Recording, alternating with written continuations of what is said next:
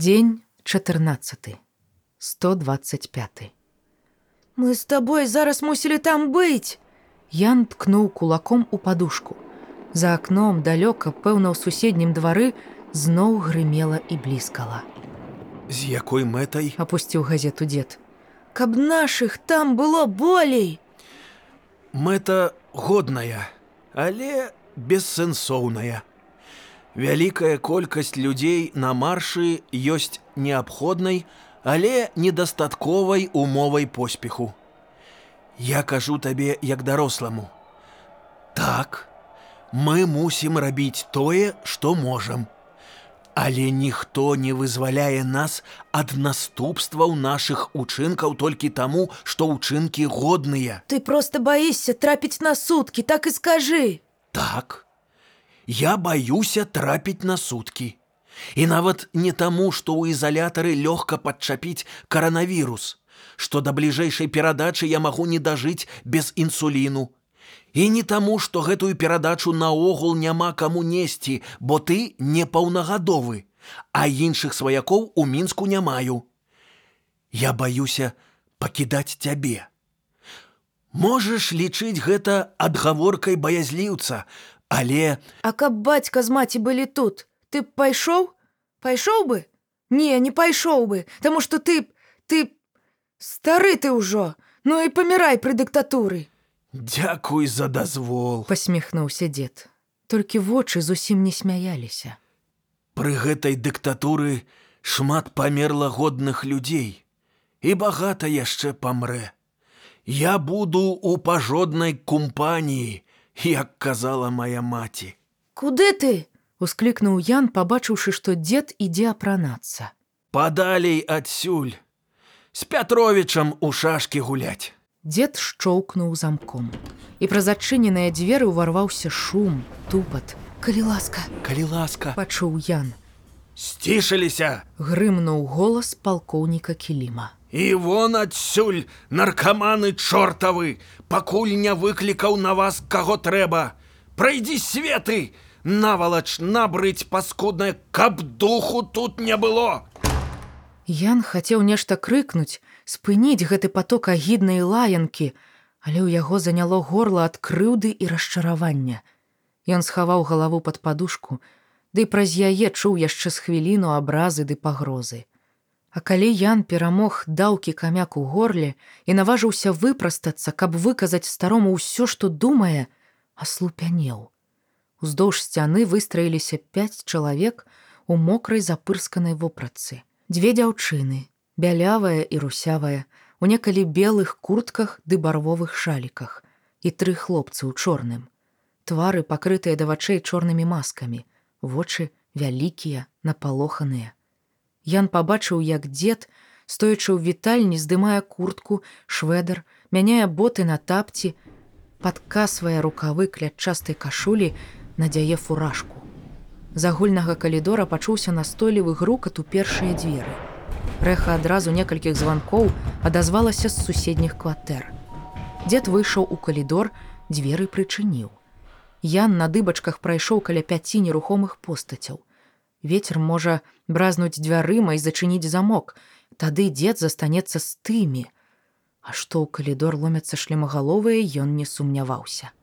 Шчоўкнуў замок, па плітцы затупалі ногі. Вітаю, спадарове.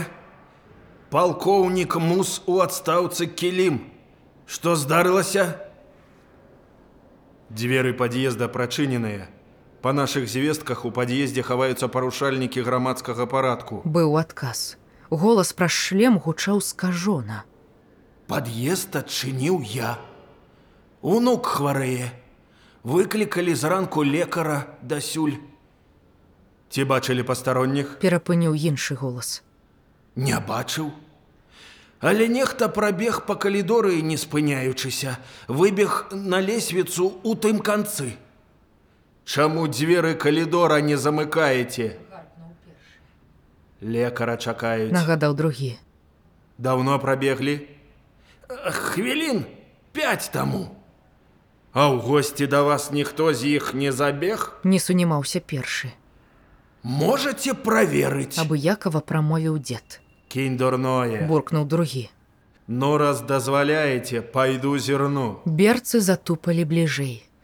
Деда, я болей паху кавы не чую, а воцат яшчэ крыху чую, але слаба. крыкнуў Ян. А што яшчэ можна панюхаць? Зараз на шатыр пошукаю. адгукнуўся дзед. Ян з усіх сіл закашляўся. Берцы спыніліся. Ян, кашляючы, разнасцежыў дзверы і ледзь не ўткнуўся ў шлемагаловага. Той грэбліва адступіў на крок. Не бойцеся, дядзечка, вы ж у шлеме. Ян зноў кашлянуў. А мне учора мазок бралі, а вам? Иван, вернися ў ложак. Строга сказаў дзед. Не чапіся да офіцера. Ідзі правер тыя дзверы. Махнуў напарніку шлемагаловы. Той прайшоў у канец калідора. Замкнёна, але адчыняецца адсюль. Замок аўтаматычны. Відаць, выбеглі і зачынілі.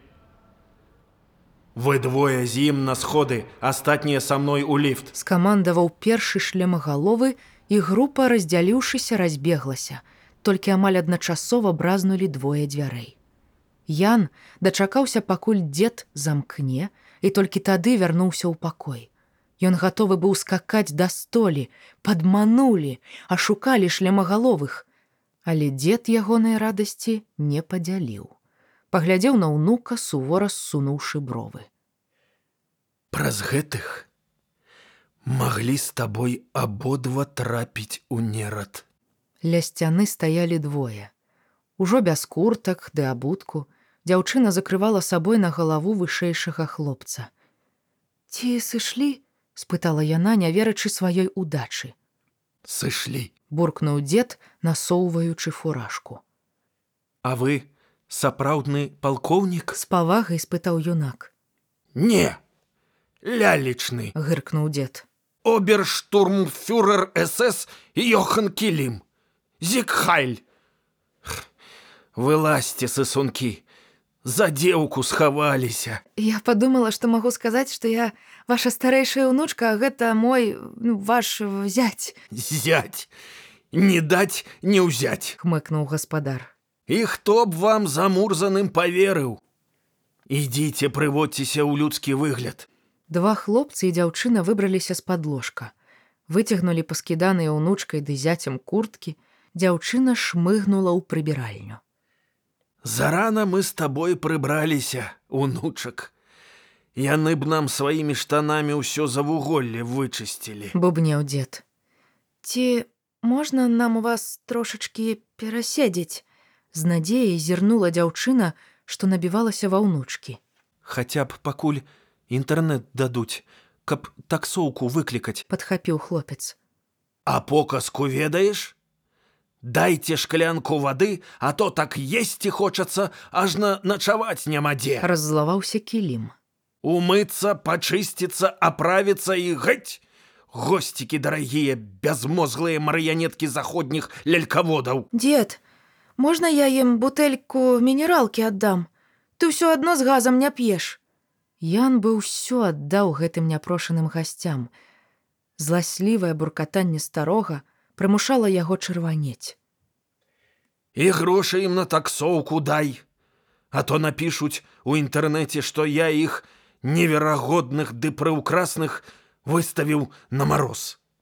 У вас дастаткова на сцяне напісана. Усклікнуў той, што апошні выкараскваўся з-пад ложка.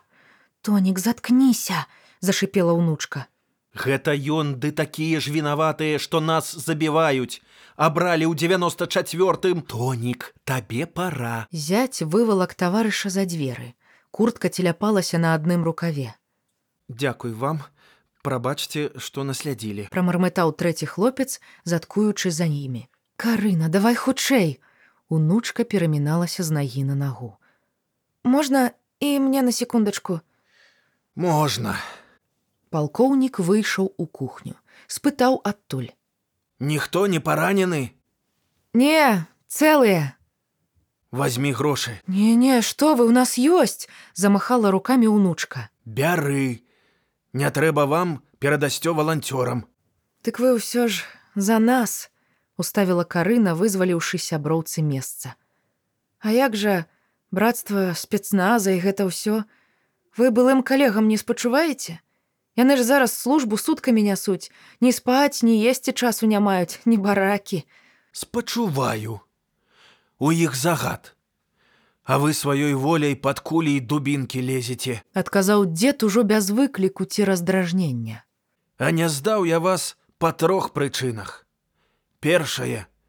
Я прысягаў беларускаму народу і гонарам афіцэра не раскідваюся. Другое. Мой быў такі, як вы у вашыя гады. Бегаў, сцягам махаў, улёткі раскідваў. Ведаеш, колькі гадоў яму цяперака? Хутка сорак.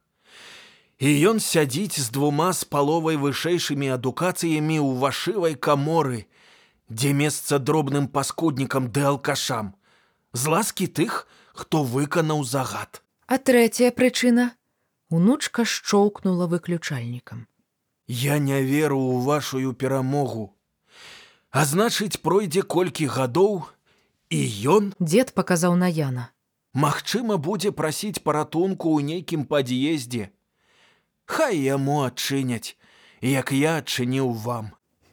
Вы дзіўны, не верыце, не хочаце, а дапамагаеце. Карына схавала шалік пад куртку. Але мы пераможам. Удачы. Ваня, праводзь дзяўчат. Палкоўнік кілім схаваўся ў пакоі. Уздыхнулі з пружыны ложка. Унучка посміхнулася Яну. Мы з табой цяпер названыя брат і сястра. Сястрыца Алёнка, братик Іванка. Бывай, братик. Бачыла тваю фотку. Хутка бацька вернецца, спытала ў Яна Карына. Мо пазаўтра. Хто ведае? уздыхнуў ён. Бывай, унук оберштурмфюрера, гігікнула госця. Ян увайшоў у пакой. Дзед ляжаў, схаваўшыся за газетай. Можаш гаварыць, што хочаш, але ты за нас, Таму што ты ведаеш нашую рацыю ды моц. Проста табе не хочацца прызнаць, што раней ты нас недаацэньваў, таварыш палкоўнік. Прынясі паўшклянкі вады і кроплі. Яны на сценцы лядоўні. Валакардзін. І калі табе не вельмі цяжка, помаўчы. Адкінуўшы газету, дзед заваждаўся, спрабуючы сесці. Бандыты не дабілі. Начальства апазіцыя не дапякла, не даела. Дык гэтыя даціснуць. Неверагодныя. І палкоўнік кілім дадаў слова, за якое не пахваліў бы ані сына, ані ўнука. Але Ян падумаў, што адрасаванае гэтае слово было незацкаваным студэнтам, а тым, хто на іх паляваў.